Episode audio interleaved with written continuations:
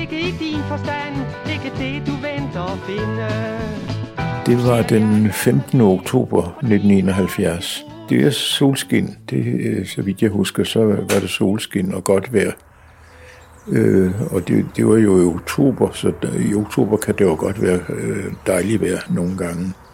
Jeg har sådan øh, lidt øh, hippieagtigt tøj på, og jeg har langt hår og, og også et bånd om håret. Jeg må være 34. Ja. Ja, stemningen, det var sådan øh, glad og, og lidt euforisk måske. Jeg kan da huske, at, øh, at vi dansede rundt og, og havde en rigtig god fornemmelse af, at nu gjorde vi noget for sagen. Da jeg danser sammen med en af de andre, der hedder Finn, og vi er vel en øh, stykker eller sådan noget, jeg tror. Og, og, og så er der jo dem, der kommer for at kigge på os. De, øh, der kommer jo flere til efterhånden, som der jo gør på Rådsepladsen, når der sker et eller andet. Øh, og vi snakker også med nogle af dem, og de øh, udtrykker forskellige holdninger til det. Men de fleste af dem, så vidt jeg husker, de var positivt indstillet, og synes det var okay, at vi protesterede mod, at vi blev diskrimineret. Altså, vi havde ikke øh, engageret nogen musikere til at komme og spille, men der var alligevel nogen, der spillede på fløjte og tromme, som vi kunne danse til, så vi havde rytmen. Ja, efter rådspladsen, så øh, laver vi en demonstration op ad strøget og, og i pisseranden, som vi kaldte det dengang, altså Lars Bjørn Stræde, øh, med vores, nogle af de der øh, bannere, som vi havde med, hvor der stod blandt andet smil homofil og bøsse solidaritet. Og sådan, vi havde nogle, sådan nogle skilte med, som øh, skulle forklare lidt om, hvad det, hvad det var for noget, vi lavede, og hvad vi var for nogen.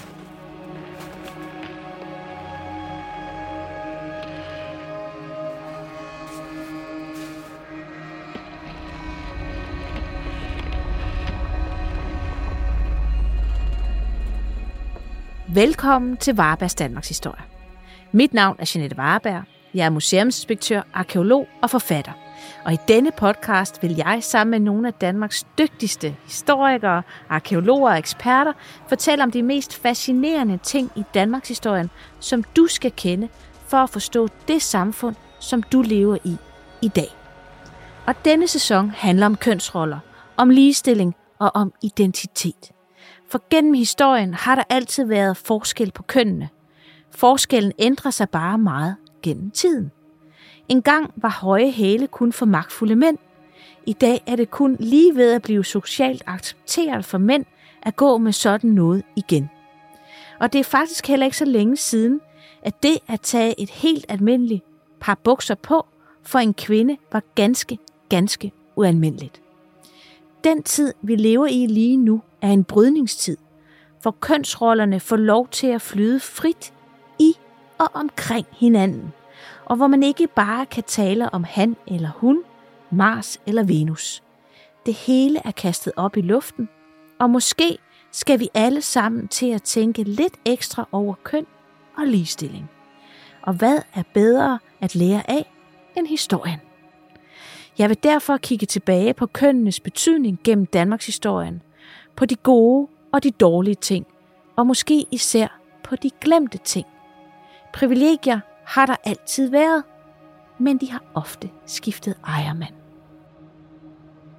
I ligestillingshistorien og de stereotypiske kønsroller hører vi ofte om kvinders kamp, men det har heller ikke altid været lige let at være mand. I denne episode vil jeg tage jer med tilbage til en tid, hvor kvinder måtte gå i bukser, men mænd ikke måtte gå i kjole.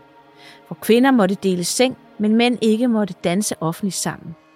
Vi skal tilbage til 1970.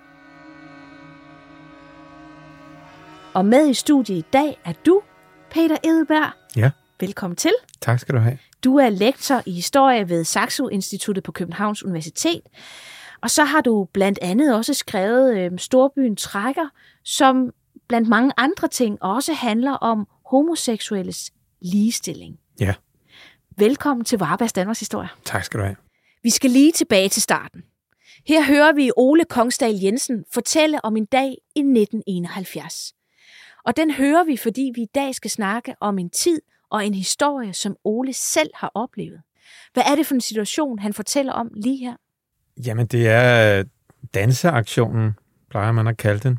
Øh, fordi, som du siger, det var sådan, at der faktisk var et øh, forbud i Danmark mod, at mænd må danse sammen offentligt. Altså i dansehaller, eller dengang havde man jo... Ah, der, diskotekerne var lige begyndt at komme der i slutningen af 60'erne. Og der var det altså sådan, at øh, det var stræd mod politivedtægten, at mænd dansede sammen. Så det var noget, som politiet ville skride ind over for, og skred ind over for, hvis, øh, hvis man så to mænd danse sammen offentligt.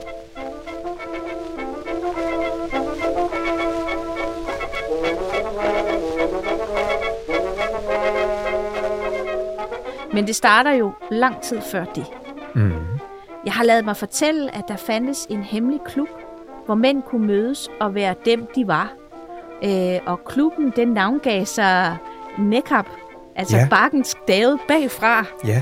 Og vi er tilbage i 1920'erne her. ja, det er vi, og vi, vi taler jo om, vi taler om bøsser.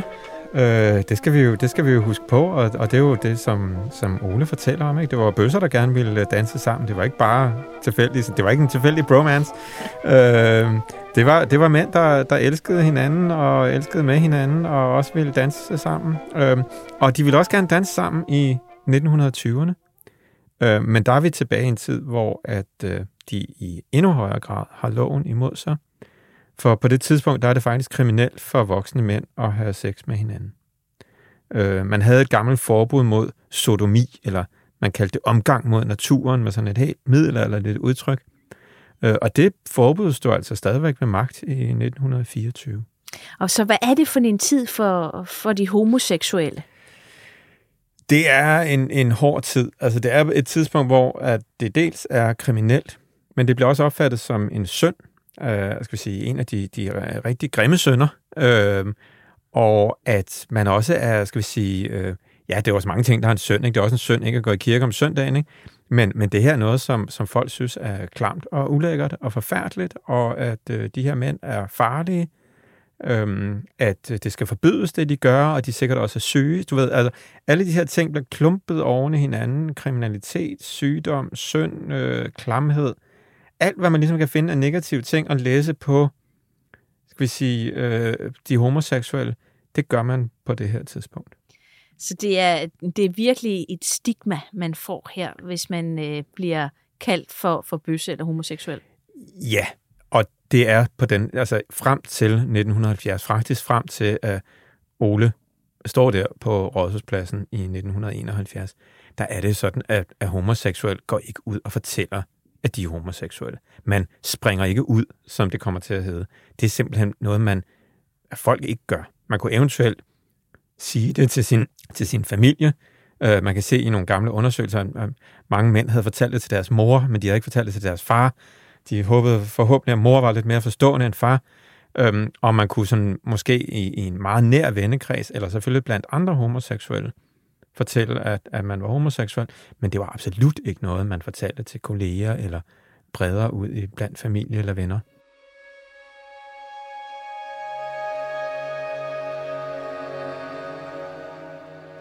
Der kommer et forbud mod den her øh, bøsseforening i 1924.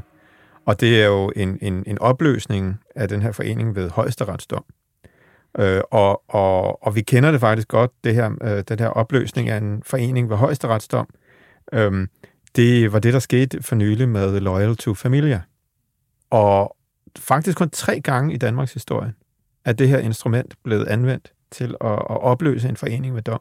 Og det kunne man godt ligesom bruge på en, sådan, sådan en, en temperaturmåler på, hvad, hvem er det, samfundet frygter mest Præcis. lige nu. Ikke? Og lige nu, så er det, skal vi sige, indvandrerkriminalitet. Det er sådan den, den store frygt. I 1920'erne, der var det så bøsser, man, man virkelig frygtede, ikke? Og, og som man måtte skride ind over for med højesteretsdom. Og 50 år, ah, jo, omkring 50 år før det, der var det Socialdemokrater. Så har man ligesom Øh. fået det lined up. For det var jo den internationale arbejderforening, som øh, blev, øh, blev opløst ved dom der i 1870'erne.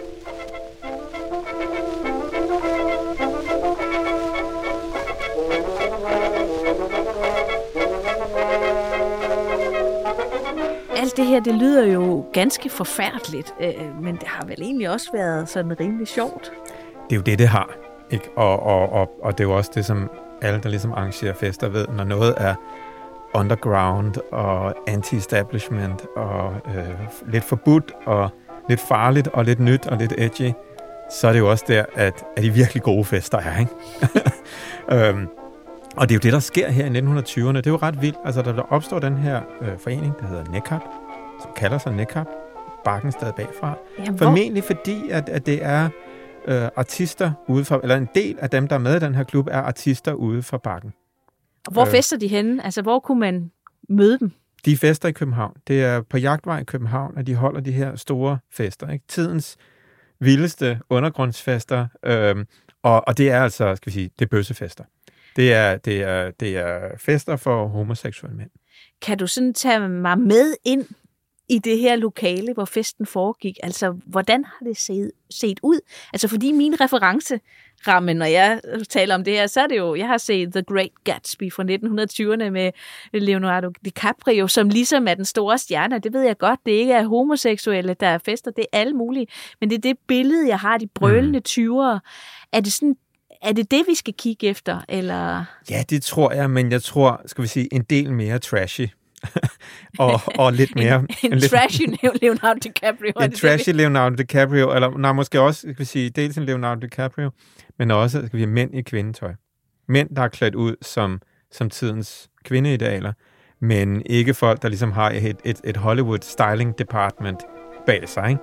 Det er folk, der har stået hjemme i den etværelses på Nørrebro, øh, og, og, og, og haft, måske haft, haft, haft kjolen i, i, i tasken, og så skiftet ude i festlokalerne.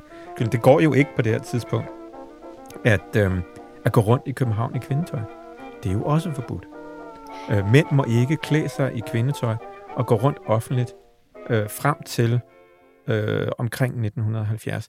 Man anerkendte, at der fandtes transvestitter, øh, og de kunne så gå op til politiet og få en særskilt tilladelse til at gå rundt offentligt i øh, kvindetøj. Men hvis du ikke havde sådan en tilladelse, så var det igen et, en overskridelse af politivedtægten. Så der er de her meget stramme regler for, hvordan mænd skal øh, opføre sig i forhold til deres kønsrolle. Og det er altså ikke bare, bare skal man sige, et spørgsmål om den offentlige mening og om, hvad, hvad folk omkring en mener. Det er simpelthen politiet, der skrider ind, hvis en mand øh, bryder den kønsrolle, som han forventes at gå ind i. det er jo et voldsomt indgreb i den personlige frihed. Ja, og det synes man er helt okay på det her tidspunkt. Der sker rigtig mange voldsomme indgreb på, på, i den personlige frihed. Det er også på det her tidspunkt, at øh, kvinder kan blive tvangskastreret, eller øh, tvangs, øh, hvad hedder det, steriliseret, øh, hvis de har haft et lidt for vildt øh, sexliv. Øh, det er i, i den her periode, at øh, kvinder bliver sendt øh, til, øh, til Sprogøanstalten, øh, hvis de har hvis de har haft et aktivt sexliv uden for ægteskab, så bliver man anset for at være åndssvag som kvinde, om, om man skal bures inde. Så, så samfundet har ikke nogen idé om, at køn og seksualitet, det skal folk, der har lov til at gøre, som de har lyst til. Altså, den idé kommer først langt senere.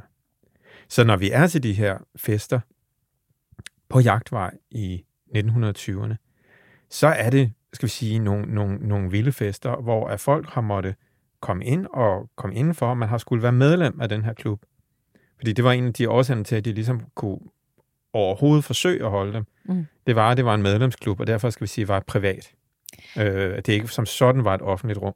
Men man opdager det jo alligevel, og hvordan reagerer samfundet så på, på det her nækap? Politiet, Københavns politi gør, hvad de kan for at, skal vi sige, at finde muligheder for at lukke det ned. Og de prøver først at sige, at det her er en forening, som du ved, som der står i, i, øh, i loven, at det er en, der, der virker til at fremme kriminalitet. Det var det, man øh, beviste, øh, det retten dømte, i forhold til Loyal til Familia, at det var en forening, som fungerede ved, ved kriminalitet. Ikke? Og det nytter jo ikke noget, at det bare er, at man har en forening med nogle enkelte medlemmer, som eventuelt begår noget kriminelt. Det skal være forening som sådan, der øh, bevirker kriminalitet. Og det kunne være jo svært at, at sige, fordi når mænd mødtes og dansede sammen til en privatfest, skal man huske, øhm, betød det så, at de gik hjem og bollede for at sige det lige ud, fordi så var det en kriminel organisation. Men det kunne politiet ikke rigtig påvise. Så det, men det, der så sker, er netop fordi, at, at det her jo er nogle af de sjove, vilde fester, der er i København på det her tidspunkt, og, det, og der kommer sådan en vist opmærksomhed på det, øh, så kommer der unge fyre, der sniger sig ind til festen. Og man skulle officielt være 18 Ja. for at komme ind til de her fester.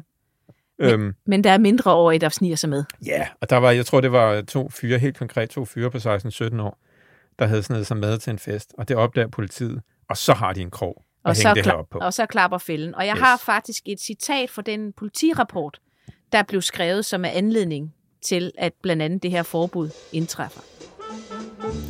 Ved festen den 27. januar 1923 var gården fuld af folk, der med sjofle betegnelser råbte højt om, at det var homoseksuelle personer, der deltog, og der sås i lokalet flere mandsklædte par, der kyssede hinanden.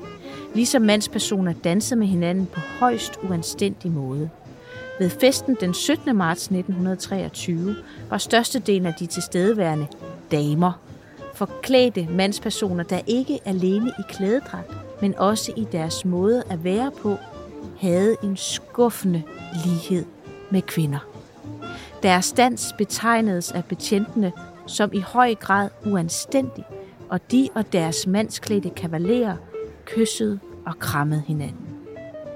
Den selskabelige forening NECAP blev ophævet som ulovlig, da den blandt andet tilstræbte at være tilholdssted for og bindeled mellem mænd med homoseksuelle tilbøjeligheder, og den sammenkomster skabte en nærliggende fare for forførelse af unge mænd til utærligheder og var egnet til at vække offentlig forarvelse. Der har vi den. Ja. Vi har det hele der, ikke? Vi har, skal vi sige, den offentlige forarvelse, vi har øh, faren for, at mindreårige bliver forført, og, og frygten for, at, at det her er en opfordring til homoseksualitet, ikke? hvad det jo selvfølgelig også er.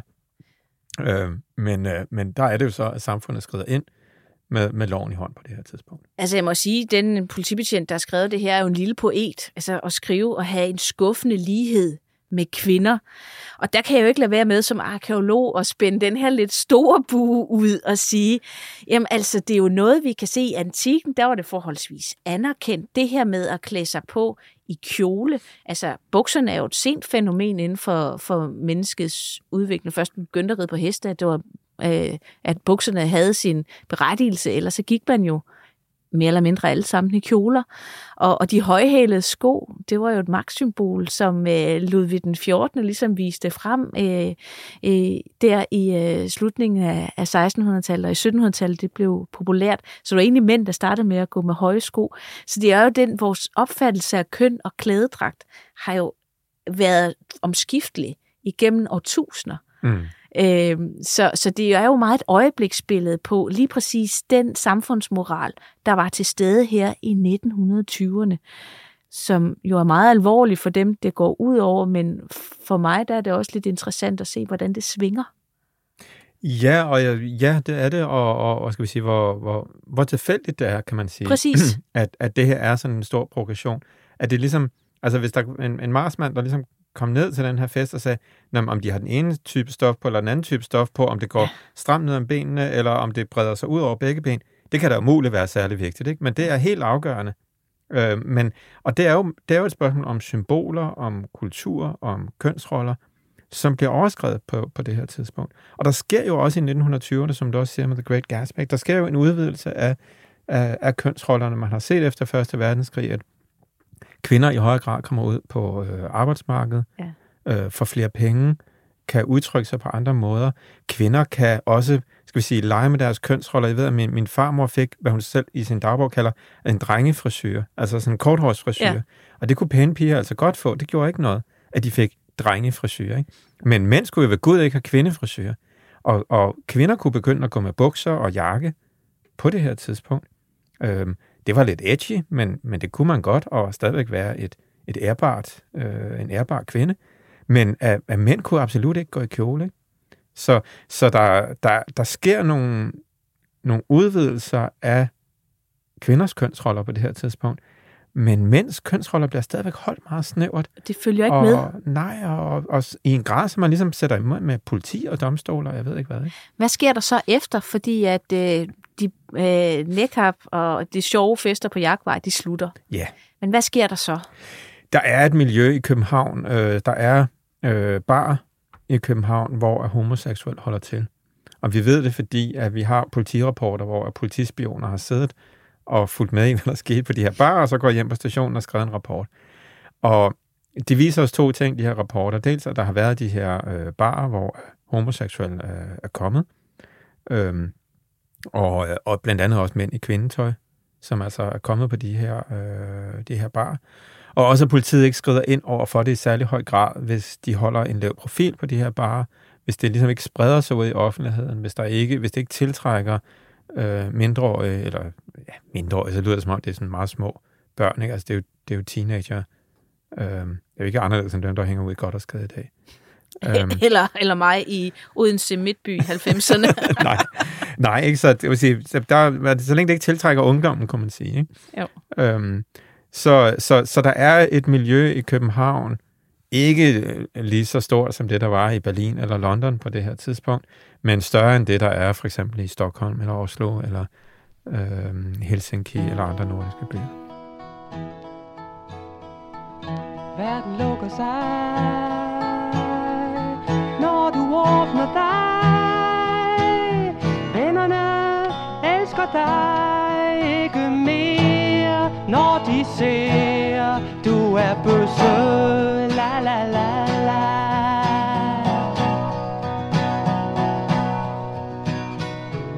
Mange venner forsvinder, når du sidder i en sofa og spinner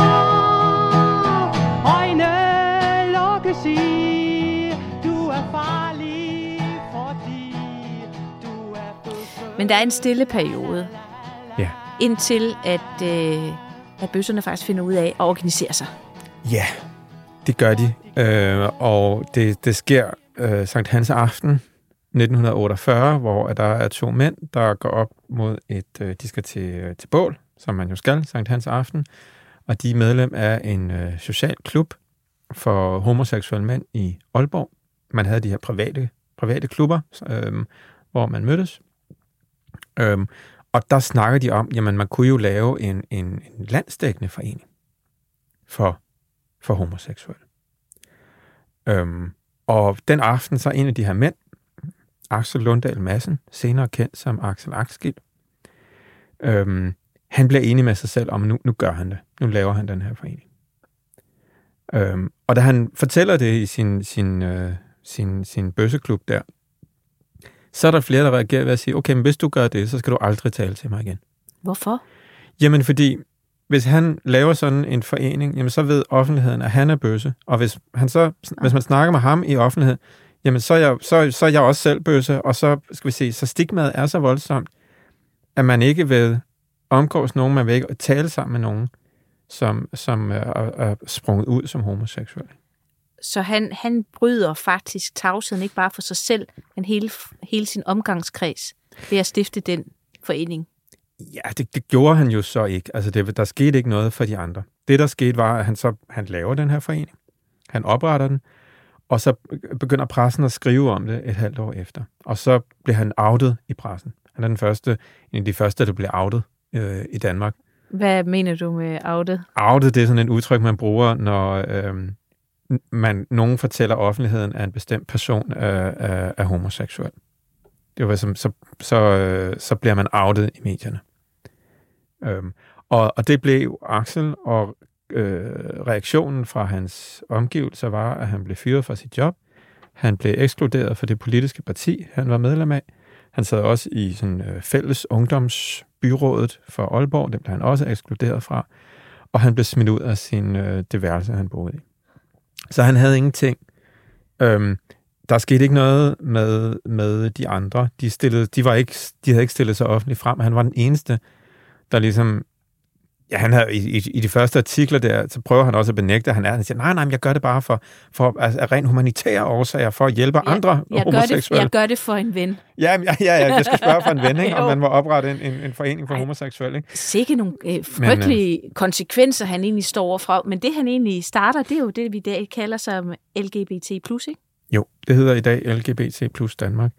Det startede som kredsen af 1948 Det kom ret hurtigt til at hedde Forbundet 1948, og rigtig mange kan huske det som Landsforeningen for Bøsser og Lesbiske, øh, og i dag altså LGBT plus Danmark. Men altså, de her fester, de vokser, og der bliver flere og flere, øhm, og unge mænd, de er at finde på gaden. Jo, altså der er to ting, der foregår her i slutningen af 40'erne og i 1950'erne i København. At dels har du altså det her miljø. Axel han flytter ret hurtigt til København, hvor at, det er først der, at forbundet sådan rigtig kommer i gang. Øh, så der er altså den her øh, begyndende øh, sociale klub for homoseksuelle, både for mænd og kvinder, øh, hvor man mødes. Øh, de første møder bliver holdt i Kompanistræde 21, første mm. sal over det, der hedder Rådhuskælderen, øh, hvor at, at, at homoseksuelle ligesom kan mødes og snakke sammen og, og, og omgås hinanden og bakke hinanden op i den altså meget svære situation, som de står i i samfundet. Ude på gaderne er der et andet miljø, øh, hvor at øh, homoseksuelle mænd mødes med heteroseksuelle teenage-drenge for at, at udveksle sex og penge. Øh, det var ret, det var ikke, eller hvad skal man sige, det var ikke ualmindeligt, at øh, arbejderdrenge fra Nørrebro eller Vesterbro ville hænge ud ude inde i Indre By og kunne tjene et partier på at gå ind med en mand i en baggård og, og lige ordne noget i 10 minutter, og så komme ud og så have penge til at gå på en bytur. Øhm, så jo, skal vi sige, det var prostitution, øhm, sådan som man nu definerer det, altså udveksling af, af sex og penge. Men der var altså ikke tale om, det var sådan øh, prostituerede mænd, eller, altså, som gjorde det som en, en, en karriere eller en livsstil, eller det var noget, de gjorde hver aften i overvis. Det var typisk værnepligtige ude fra Holmen, eller arbejderdrenge ude fra brokvartererne, øh, som gjorde det en gang imellem, eller et par gange, og så gik de videre med den læreplads, de nu havde, eller kom videre efter, de havde været, i, øh, været under værnepligt. Så, så vi skal ikke forestille os, skal vi sige, forhudlede gadedrenge. Det er Ej. ikke det, der er tale om. Der er tale om unge mænd, der selv opsøger, øh, øh, opsøger de her mænd i Indre København. Men det fører jo til en særlig lov. Ja, fordi igen, og det er jo det her, og det er jo også det, vi kan se, når vi ligesom så prøver at kigge på det lange blik. Ikke? Hvad var det, der var problemet i 1924? Det var den her angsten for forførelsen af ungdom. Man havde den her forestilling om, at øh, hvis en ung fyr, som måske var heteroseksuel, hvis han så gik med en mand og havde sex med en mand, så ville han selv blive homoseksuel af det. Det var det, man kaldte forførelsesteorien. Og den, den, den var meget stærk på det her tidspunkt. Angsten for, altså, der var folk, der sagde, at det er jo en hel generation af unge mænd, som måske, skal vi sige, omvender sig og bliver homoseksuelle på grund af det her. Og hvis man blev homoseksuel, så var det ikke bare, at man var homoseksuel, så var det også, at man ville blive en parasit på samfundet, man ville blive ulykkelig, man ville aldrig kunne bidrage med noget, man ville være arbejdsløs. Det vil sige, det var den totale sociale derut at, at, at, at, at gå med en mand ind i en baggård.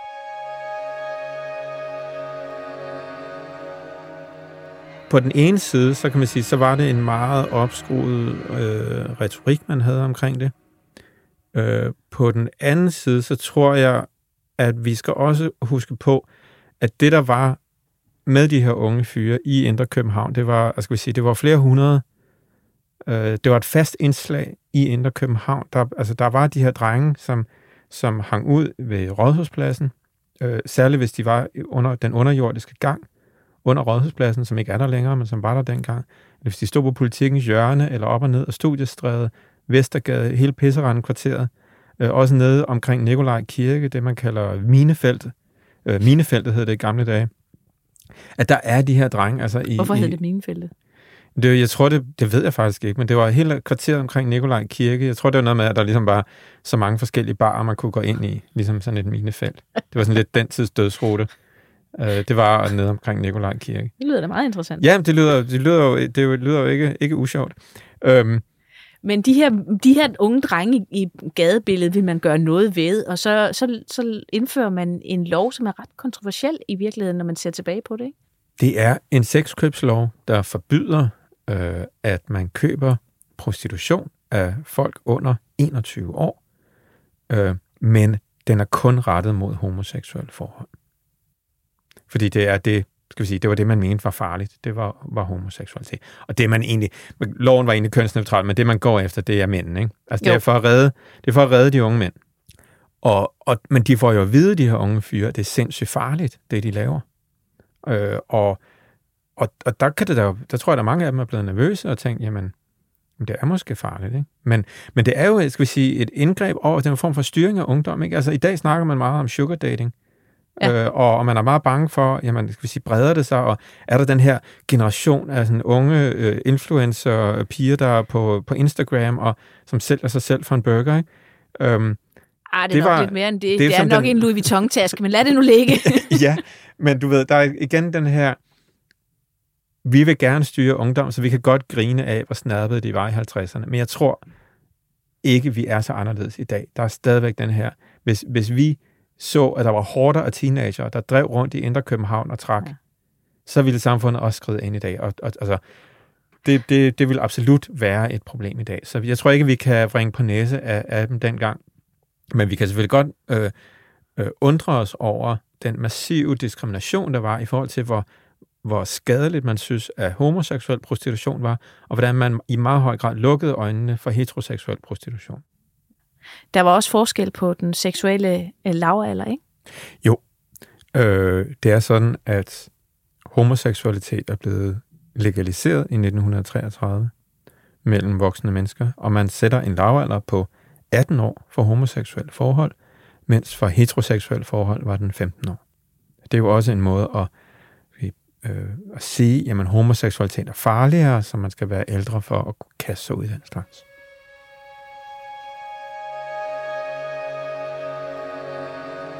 Hvad er det, man kalder den her lov? Den blev kaldt den grimme lov øh, meget hurtigt, fordi at avisen Politikken, øh, som øh, faktisk i starten, i 50'erne, har de meget været på den her vogn med, at det her er forfærdeligt, det er farligt, vi skal redde ungdom. Men da loven så endelig kommer i 1961, øh, så er der flere og flere, der synes, at det er ved at blive for hysterisk. At retorikken øh, er blevet for hysterisk. Der kommer to nye sætninger ind i det danske sprog. Og hvis man læser aviserne i 50'erne, så er de sætninger der, der ikke. Men i 61 så, og i løbet af 1960'erne, så er de der hele tiden. Den ene er hets mod et, øh, et mindretal. Øhm, at, og det må man ikke, at det er noget dårligt at lave hets mod et mindretal. Det var der ikke nogen, der havde de store problemer med i årtierne op til 1960'erne. Og det andet er diskrimination af en minoritet. Det bliver også sagt igen og igen og igen i 60'erne, at det skal vi jo gøre op med, når vi diskriminerer minoriteter. Og det er jo ret sjovt, fordi det er jo præcis den samme diskussion, vi står i i dag. Det her med hets og diskrimination af mindretal, præcis. eller minoriteter, det er noget, som vi har snakket om lige siden. Og det starter der i, i, øh, i jeg vil sige, det starter i 61, ja. og det starter med, eller en, et af startskudene er, at politikken skriver den her leder, som, hvor titlen er En grim lov.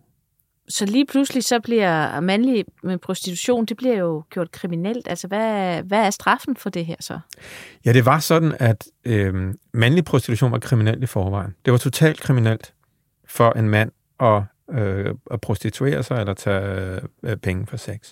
Men for kvinder, der var det delvis lovligt. En øh, kvinde, som havde et, øh, et almindeligt job ved siden af, og kun havde prostitution som bidjob, øh, det, gjorde, det kunne man, måtte man gerne. Det eneste, der var, at en kvinde måtte ikke have det som hovedindtægt. Men altså, det var totalt, totalt ulovligt for, øhm, for mænd. Så der er også en forskel på, hvordan man har vurderet det her. Ikke? Man har synes, Nå, men det er ikke så slemt, når kvinder gør det, men det er meget slemt, når, når, når mænd gør det, eller fyre gør det. Så, så der er jo helt sådan den her med, der er jo også nogle strammere regler for, hvad mænd må og ikke må, øhm, og, og en større angst over for, øhm, hvad det kan gøre ved mænd, og, og, ja, og gøre noget, som måske bliver opfattet som meget umandigt, ikke? som det her med at ja, sælge, sælge sex. Ikke? Det er lidt sjovt, du siger umandigt, fordi man har i vikingetiden, der, der kan man ikke rigtig se, om der er homoseksualitet. Der er måske nogle antydninger i nogle sagager, men man har det, det ord, der hedder ærgi, mm. at du er ærgerlig. Ja. Og det har vi stadigvæk i vores øh, sprog som ærgerlig. Og, og mænd, som var feminine og, og kvindagtige, og egentlig beskæftigede sig for eksempel med trolddom, øh, som var et kvindespeciale, de blev kaldt for ærgi. Ja. Så, så, så det her med, at, at, at, øh, at man har frygt for, at, at, at manden ligesom bliver helt anderledes i sin måde at være på, altså skifter identitet, og måske også mm, den maskulinitet og magt, der ligger i at være mand, giver man køb på for at være noget kvindeligt. Det forvirrer jo fuldstændig ens billede af kønsrollerne. Og det hedder altså i vikingetiden for, at man er ærke. Ja, og det andet udtryk, man brugte i, i vikingetiden, det var jo arv.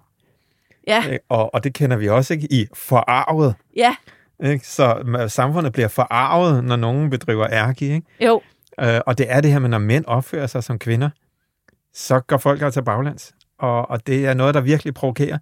Og, og, og det gør det stadigvæk. Vi kunne se der, der hvad, øh, popstjernen, popstjernen Harry Styles, han øh, lå sig fotografere i, i øh, kjole på forsiden af et modemagasin. Og En der var jo Vogue, flere, der var også flere øhm, danske debattører, der var ude og sige, at det her er faktisk en meget alvorlig og farlig sag.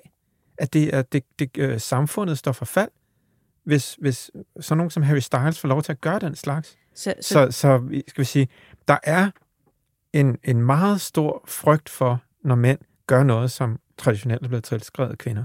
så det vi egentlig kan konkludere, det er, at på det her tidspunkt har vi ikke rykket os særlig meget siden vikingetiden. Og det har vi jo så alligevel, ikke? Men det kommer lidt an på, hvor vi, hvordan vi indstiller kameraet, om vi zoomer ind, eller vi zoomer Præcis. ud. Ikke? Og når vi zoomer ud, nej, så er der nogle, nogle mønstre, som, som vi kan genkende. Ikke? Men når vi zoomer ind, så er der selvfølgelig utrolig meget, der ændrer sig. Og det, der sker jo også i 60'erne med den grimme lov, det er den her kritik, altså tager til, og det her med hets mod et mindretal, at det er faktisk det argument, der, der vinder kampen. Ja, Og for, loven bliver ophævet igen Præcis, i ja, bliver den 1965, fordi at flere og flere i Folketinget og flere og flere i befolkningen har den der med, at vi skal begynde at opføre os pænere over for mindretal.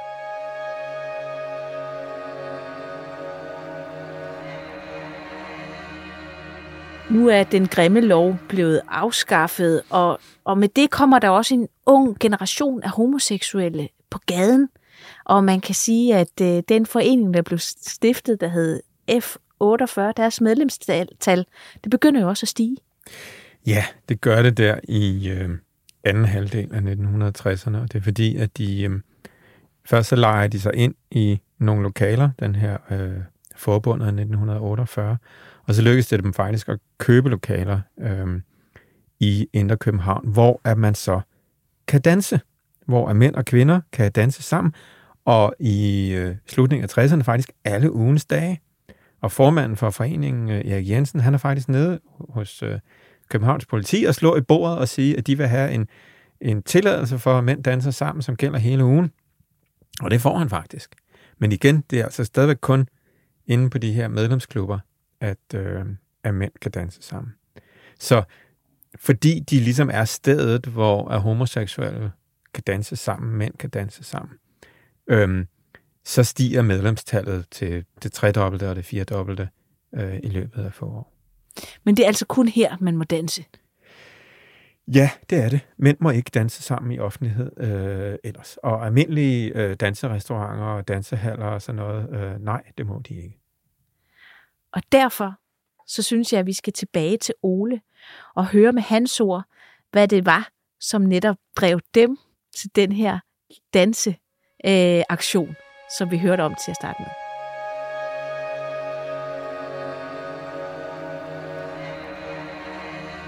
Jamen, til, at vi lavede den der aktion, danseaktion, det var, at øh, vi ikke havde lov til at danse med hinanden, og det synes vi var helt åndssvagt.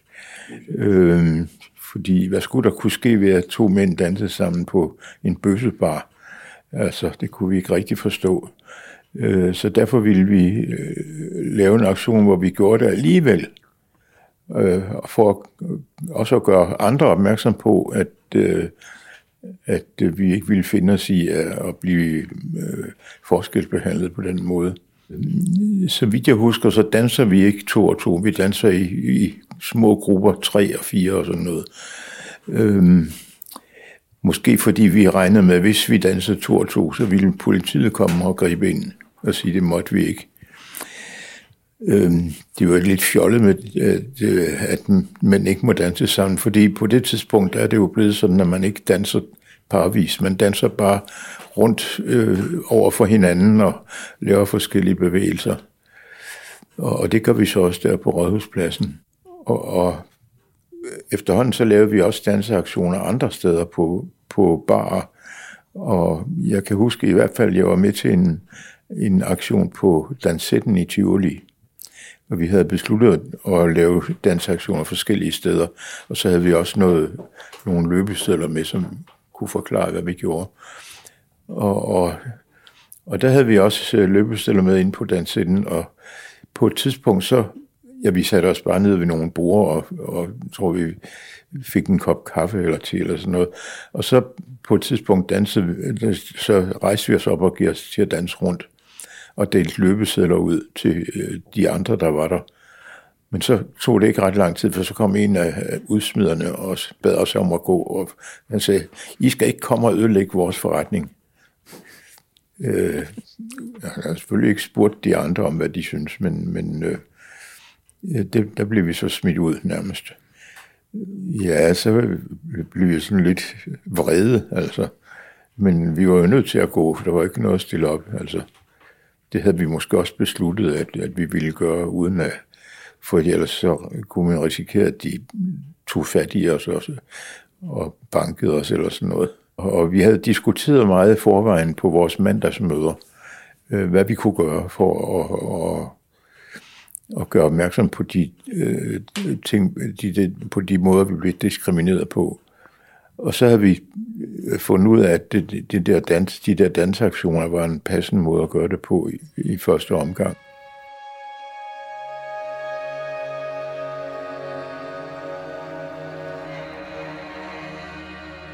Så altså, den her unge gruppe af homoseksuelle prøver altså øh, at forbedre forholdene for homoseksuelle mænd, øh, sådan at de kan danse sammen. Øh, hvordan går det, og øh, hvad med danseforbuddet? Jamen, det går jo, øh, det går jo, det går jo rigtig godt, og det er jo også det, som, som øh, Ole siger på Rådhuspladsen. Altså, der er mange, der har, har, har positive og pæne og opbakende ting at, at, at sige til dem, ikke? men der er også, sige, man kan også møde den, den sure øh, sådan øh, dansehal ejer ude, på, ude i Tivoli. Ikke? Øh, og øh, jamen, altså, sige, de holder jo en del aktioner. Jeg mener også, der bliver holdt nogle aktioner i Aarhus, øh, og, og øh, der er også nogle aktioner, hvor politiet skrider ind og stopper dem. Øhm, så, så de har altså de har jo fat i noget, og man har altså man har kunnet øh, danse i, til, til, i nogle private klubber, ikke? men man skulle have de der øh, særskilte øh, tilladelser. Og, og det har også været en progression, at man ligesom at man skulle puttes væk og skjules væk, så måtte man godt, ikke? men man måtte ikke gøre det der, hvor almindelige pæne mennesker færdes.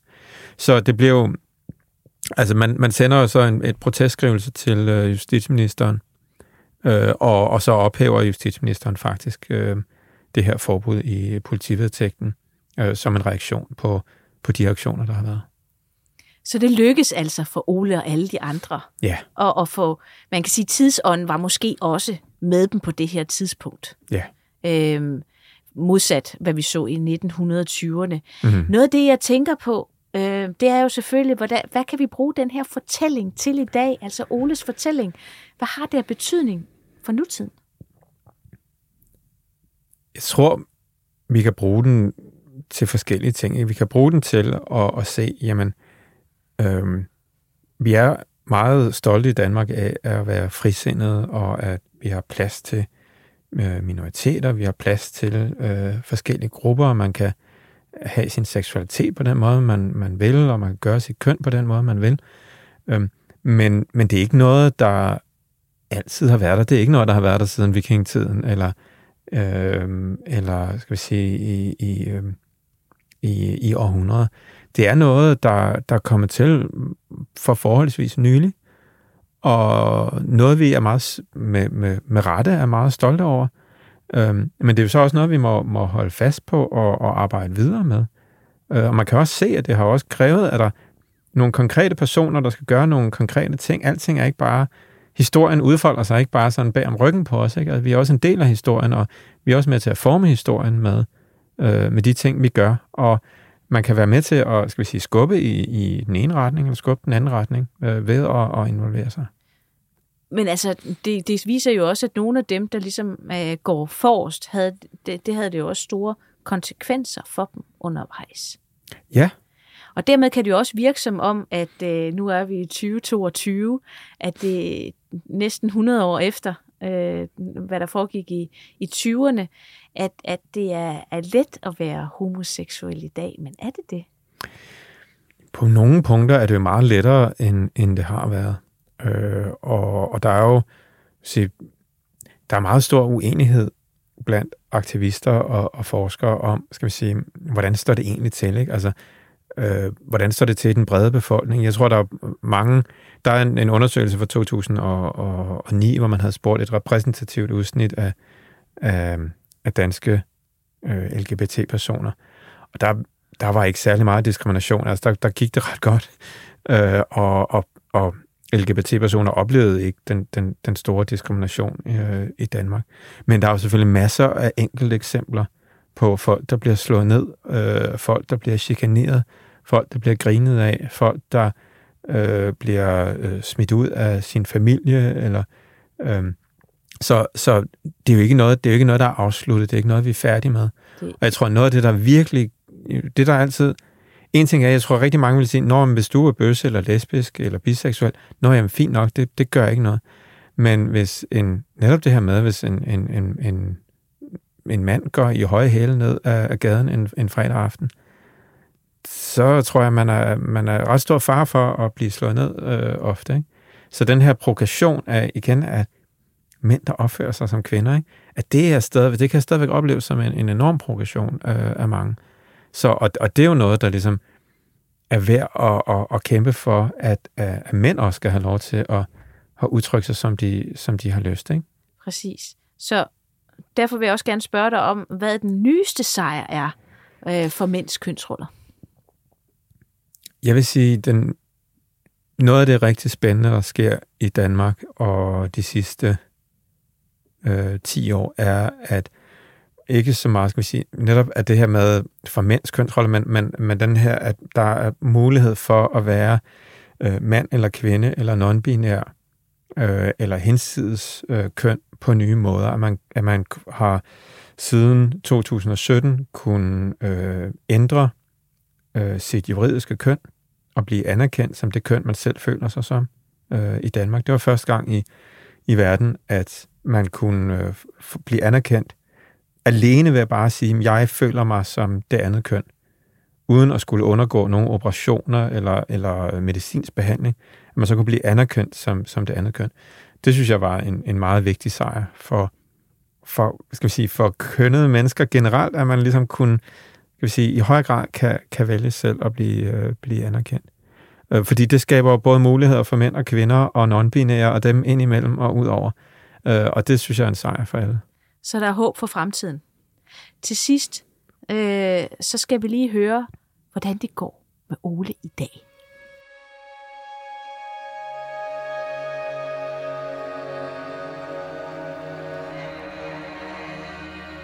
Mit navn er så Ole Kongsdal Jensen, og jeg er 84, jeg bliver 85 til sommer. Ja, nu sidder jeg så i i mit, mit hus, eller vores hus i Vandløse, sammen med min mand Chris. Og vi har været gift siden 1991. Øh, det blev muligt blandt andet ved øh, vores aktion, og også øh, forbundet 1948 øh, aktioner og øh, henvendelser til politikerne, at få indført Øh, det, man kaldte øh, partner, partnerskab, registreret partnerskab. Det blev indført i 1989. Jeg hedder så Christian Tofte Petersen, og jeg har forhenværende guldsmed. Jeg er på pension. Ja, jeg sidder så her ved siden af Ole i vores spisstue, i vores lille villa på, en, på Nørrevej der. Og her er jo chokerende pyntet med alt muligt, øh, som tager, tager pusten for folk samtidig. Og vi har så billeder på væggene af vores familie og vores små plejebørn og deres børn og også selv som unge fra, fra en rejse i udlandet. Vi rejste meget i Frankrig, fordi Ole var jo fransk lektor, og så skulle vi jo undersøge Frankrig på kryds og tværs. Og øh, det gør jo så også, at vi begge to taler fransk og har en fransk plejesøn. Det er, det er så underligt, at man sidder her faktisk som bøsse bedsteforældre til en, en regnbuefamilie. Ja, jeg synes jo, at, at vi har så mange rettigheder nu, øh, så det er helt ubegribeligt for mig, at, at vi er kommet så langt på så kort tid. Men jeg kan da godt se, at der er stadigvæk er brug for nogle flere rettigheder. Øh, det er også ved at komme, nu kan jeg se, at der er medfædre øh, og medmøder og, og sådan noget i, i, i regnbuefamilier. Det synes jeg er helt fint. Og så har vi så boet her siden 1984. Og øh, det har været en succes. Der har været mange gode fester. Der har været mange prominente bøsser ude og holde havefest herude. Så, så det har sådan set været, og vores naboer herude, de har efterhånden vendt sig til os. Vi er jo dem, der har boet her længst. Alle de andre, de skifter jo hus lidt tit. Men øh, det gør jo så også, at de har fundet ud af, at vi spiser ikke børn.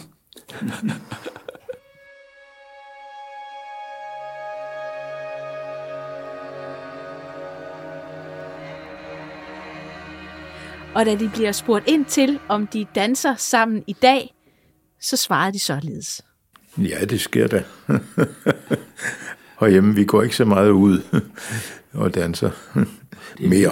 Det gjorde vi i gamle dage. Det var jo fint lige at få deres historie fortalt ud, for på en eller anden måde har de jo, deres livshistorie er jo faktisk også mere eller mindre det, vi er, er løbet igennem her. Ja, det er det, og det viser også, hvor tæt det er på, at det er nulevende menneskers øh, historie, vi sidder og snakker om.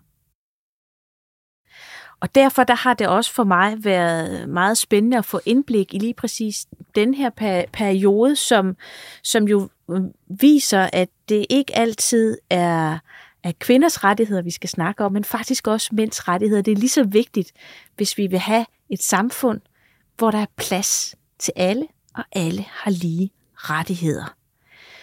Tusind tak til dig, Peter Edelberg. Tak, fordi jeg måtte være med. Det var en fornøjelse, at du ville komme forbi det ja. lille intermistiske studie heroppe på loftet på Nationalmuseet. Øhm, det har været simpelthen en fornøjelse at have dig med her i Varbergs Danmarks Historie. I lige måde.